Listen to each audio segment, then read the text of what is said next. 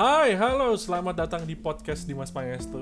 Ini adalah episode pertama dari podcast gue dan uh, seperti yang gue udah janjikan sebelumnya di video perkenalan atau audio perkenalan gue, gue pengen ngasih tahu bahwa segala sesuatunya yang ada di video ini pengen gue share apa yang ada di pikiran gue, pikiran kalian atau misalnya ada yang pengen share soal segala sesuatunya yang ada di pikiran kalian boleh langsung aja bisa ngomongnya di Twitter dan Instagram gue di @pngstdms. Nah, untuk episode pertama ini ada teman gue yang pengen ngasih tahu kalian bagaimana tips dan triknya untuk bekerja di luar negeri. Karena memang bekerja di luar negeri ini beda banget kalau misalnya kalian bekerja di luar kota, ya kan? Apalagi kalau misalnya kalian juga kuliahnya di luar negeri itu pasti juga udah beda banget. Di telepon gue ini udah ada Isan. Halo Isan. Halo. Hai, halo. Apa kabar nih? Oke, alhamdulillah. Alhamdulillah Sehat ya, seperti ya. biasa. Hari yang cerah. Hari yang cerah ya. Oke, BTW ini Isan adalah temen gue. Kita udah kenal udah lama banget. Uh, BTW dia kerja di Jepang. Dan di Jepang lagi musim apa nih? Sekarang lagi musim semi, lagi Semi ya? habisin musim semi habis mekar sakura. Hmm, jadi di sana lagi bagus-bagusnya dong ya. Ya, kalau misalnya mau lihat foto-foto sih ya banyak sih di Instagram. Di Instagram ya. Boleh dong. Instagram lu apa nih? Aku Instagramnya tulis aja Ihsan Hairudin nanti ada. Ada di situ ya. Nah, kalau misalnya pengen Ada. banget teman-teman di sini yang ngeliat Instagram, boleh aja langsung di follow Instagramnya Isan ya. Lu cuma punya Instagram ya, men ya? Twitter nggak ada, Facebook atau segala macamnya? Aku Facebook udah nggak main, Twitter juga nggak main. Oke. Jadi ya Instagram aja sih sejauh ini Instagram, WhatsApp, Telegram gitu. Mantap. Oh, Telegram lu ada ya? Ada, tapi nggak begitu aktif juga sih. Cuman untuk beberapa orang aja. Ya, gue pikir lu masih ngirim telegram pakai ke kantor pos dulu untuk dicap, untuk ngirimnya masih pakai merpati udah enggak ya?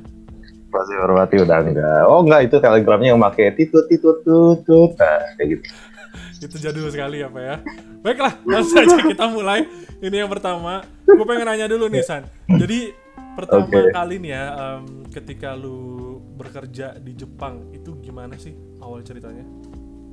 Oke, ceritanya gimana ya? Mungkin pertama aku jelasin dulu ya Hmm, latar belakangnya. Jadi nama aku Ihsan Hairudin. hmm, Eh, waktu itu kuliah di Politeknik Negeri Bandung, jurusan Teknik Mesin, hmm, angkatan 2011. Nah, Oke. jadi eh, wak- kan angkatan 2016, waktu itu lulus tahun 2015. Hmm, Nah, di tahun 2015 itu kebetulan ada open recruitment untuk yang kerja di Jepang. hmm, Tapi waktu itu bahasanya magang di Jepang. Itu bahasanya magang di Jepang. Jadi eh, dibuka tuh eh, dicari berapa orang ya waktu itu ya kandidatnya? Oh, lima orang. hmm, hmm.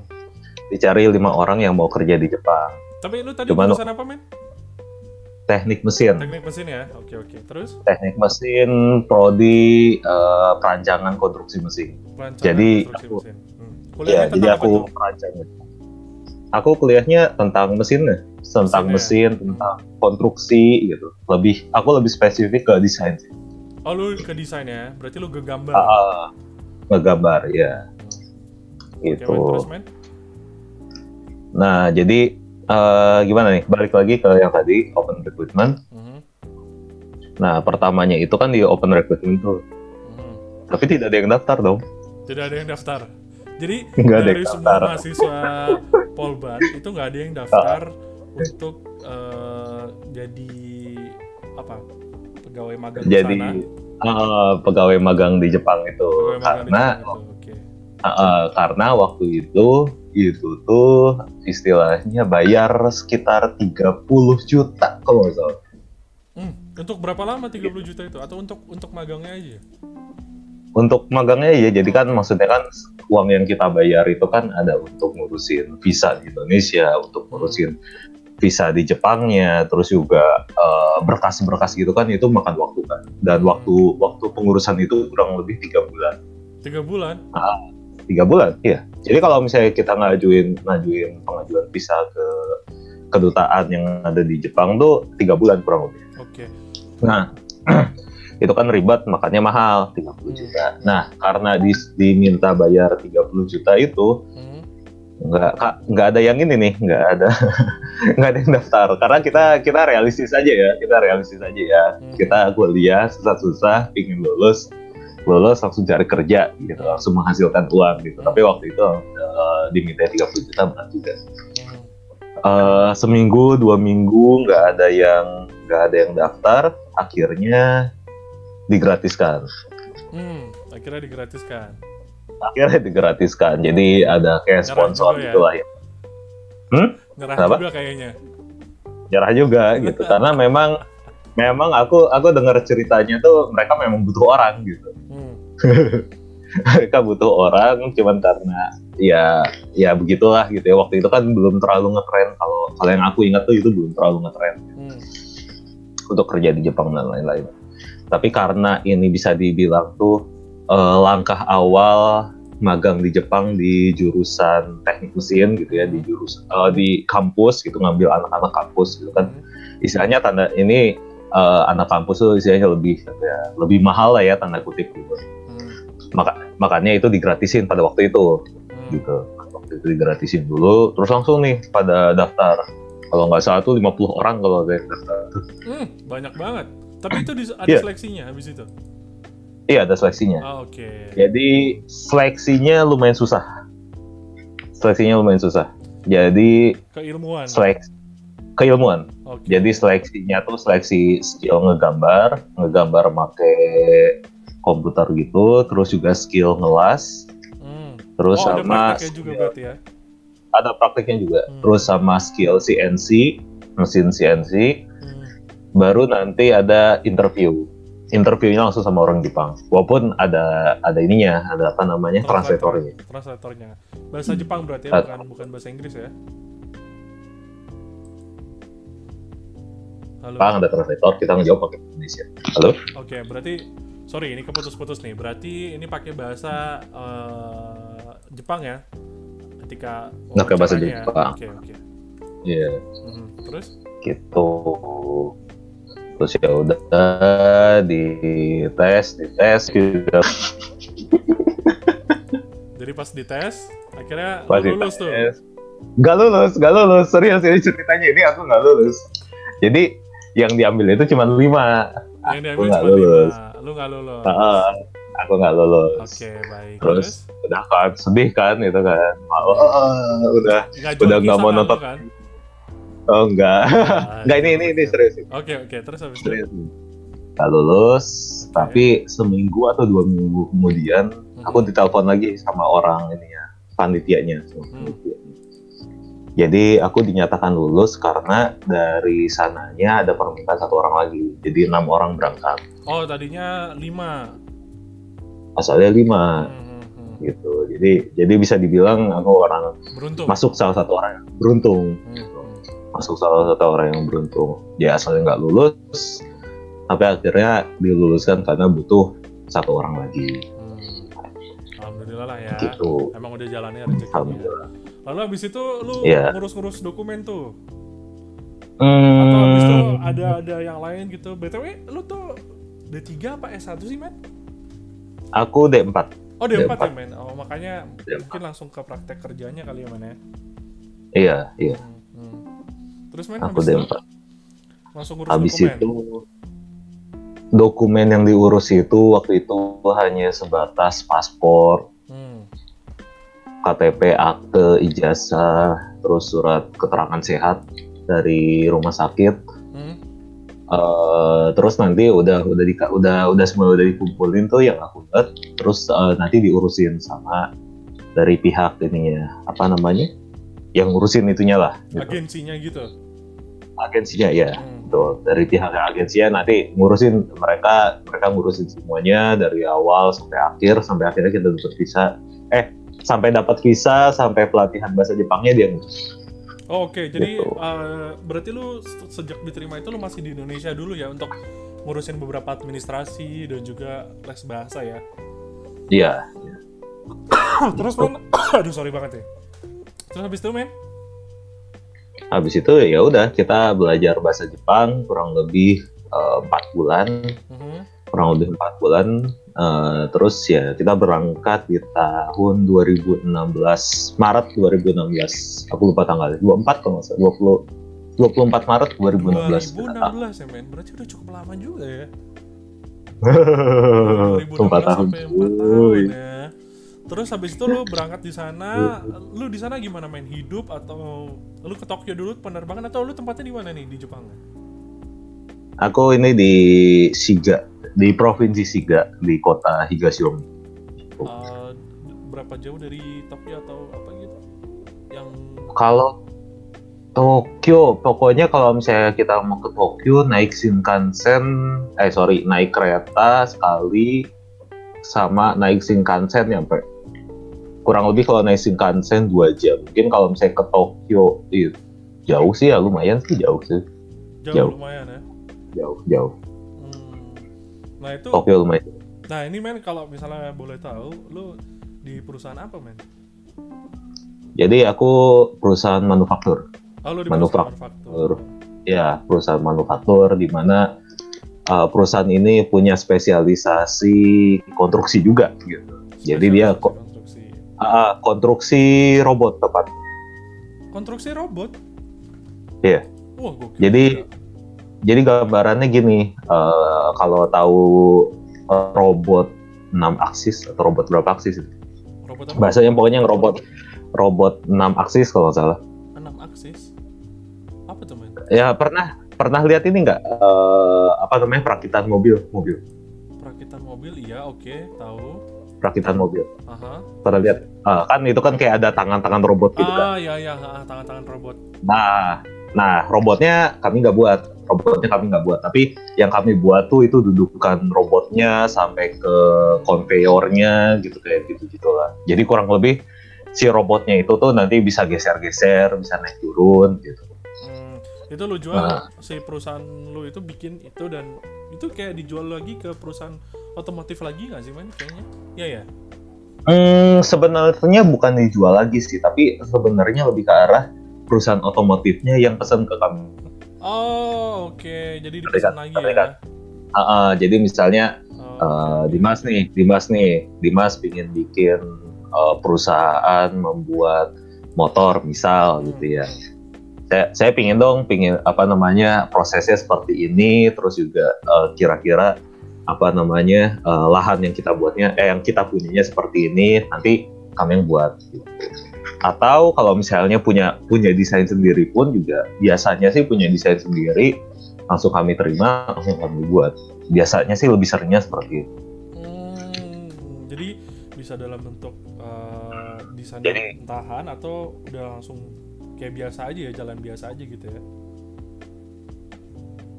Halo? Hmm, gitu. Hmm, baiklah. Halo? Hmm. yes.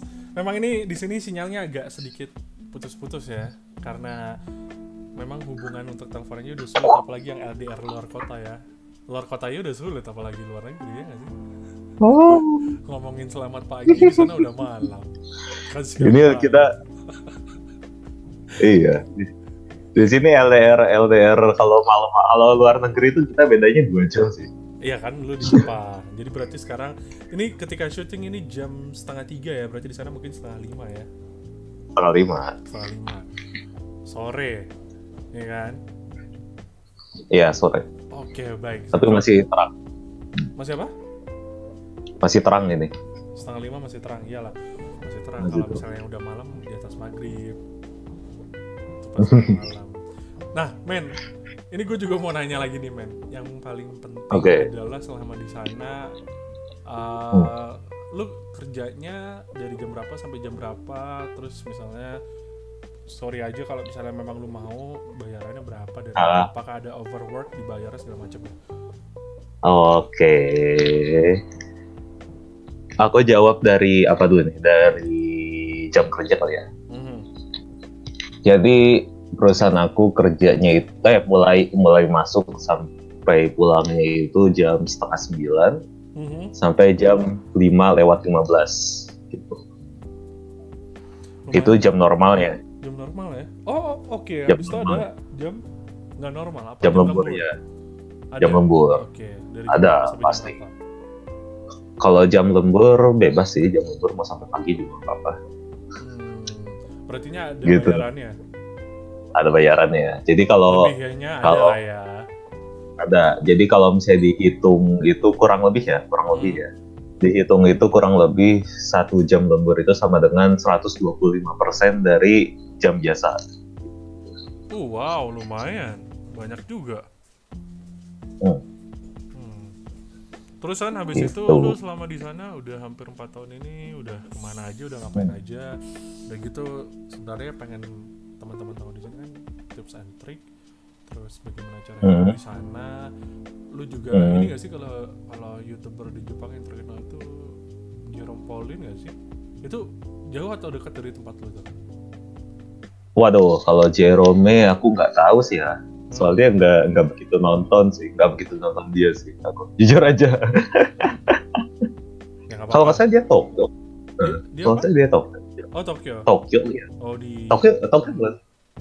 Gue aku nggak tahu aku tahu juga nggak paham ya. Gue juga pernah nonton. Gue pikir Hmm. ya itu cukup terkenal lah ya. Mungkin nanti bisa teman-teman yang bisa ngubungin ke Jerome Pauline juga lebih asik kali ya. nah kalau di sana sendiri untuk orang Indonesia nya banyak nggak sih? Ah, di tempat aku ya Hmm. orang Indonesianya ada nggak banyak tuh tapi ada Tapi ada.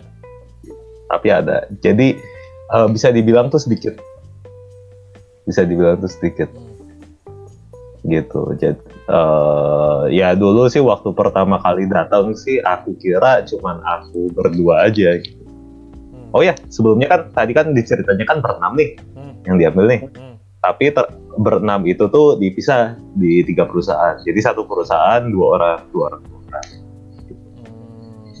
nah aku aku di sini yang di provinsi Siga ini cuma berdua Hmm. Berdua ya akhirnya. Oh sisanya Pada awalnya. mencar berarti nggak tahu masing-masing. mencar mencar gitu Baik, nice. Nggak kerasa udah 18 menit berjalan, 17 menit. Ada yang ingin lo sampaikan nggak? Eh terakhir deh suka dukanya deh selama di sana. suka dukanya suka dukanya mungkin aku ceritanya suka duka kalau misalnya orang baru kali ya Hmm, hmm, gimana? Ah, kalau misalnya orang baru ya biasa sih. Kita terkendala pasal masalah bahasa gitu ya. Masalah bahasa apa ya kadang-kadang kan kita bahasa juga bisa ngomong maksudnya bisa ngomong tapi untuk beberapa percakapan yang terbatas gitu. Misalnya percakapan kerjaan gitu atau per- per- percakapan sehari-hari. Tapi kadang-kadang kalau misalnya udah kayak percakapan yang aneh-aneh gitu yang misalnya waktu itu lagi lagi mau mau apa namanya eh, pindah-pindah kos-kosan gitu itu buat ngurusnya tuh itu percakapannya agak rumit gitu jadi Hmm. ya balik lagi ke sana sih ke bahasa gitu bahasa paling juga sama makanan mungkin ya makanan Hmm, nggak terlalu ini sih cuman butuh pembiasaan aja.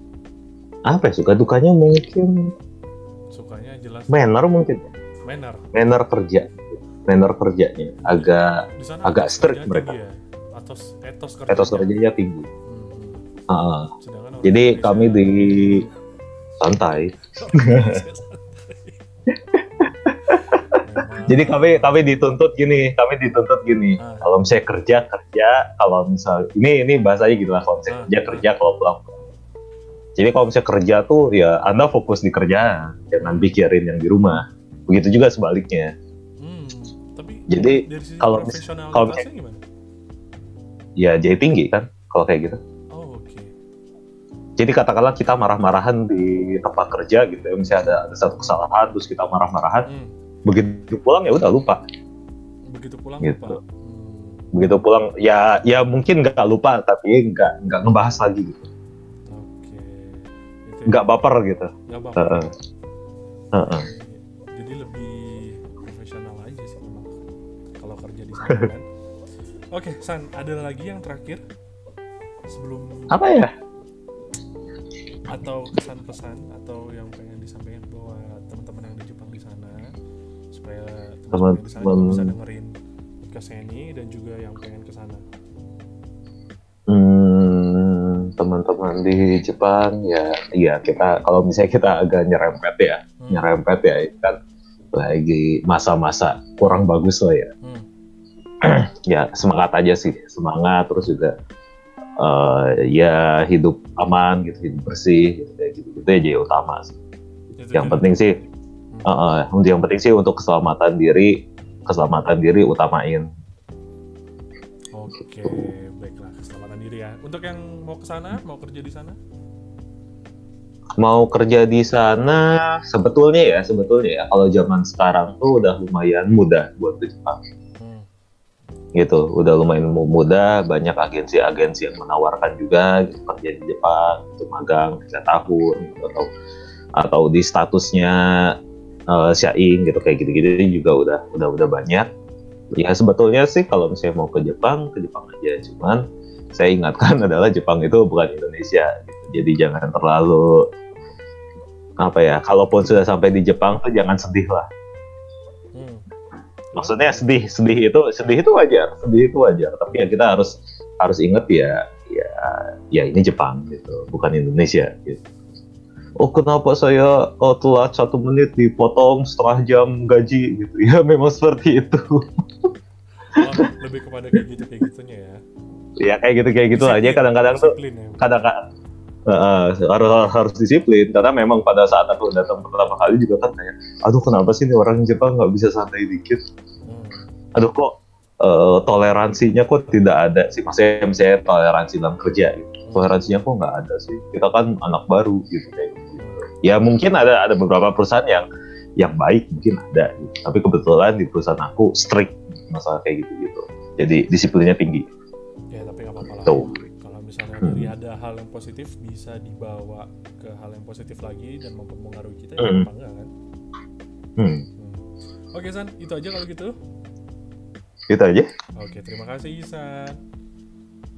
oke Yo, terima kasih juga buat para listener yang udah dengerin podcast ini. Kalau misalnya ada lagi yang pengen request, bisa langsung aja di mention di Twitter atau Instagram di @tngstdms atau juga Instagramnya San apa San?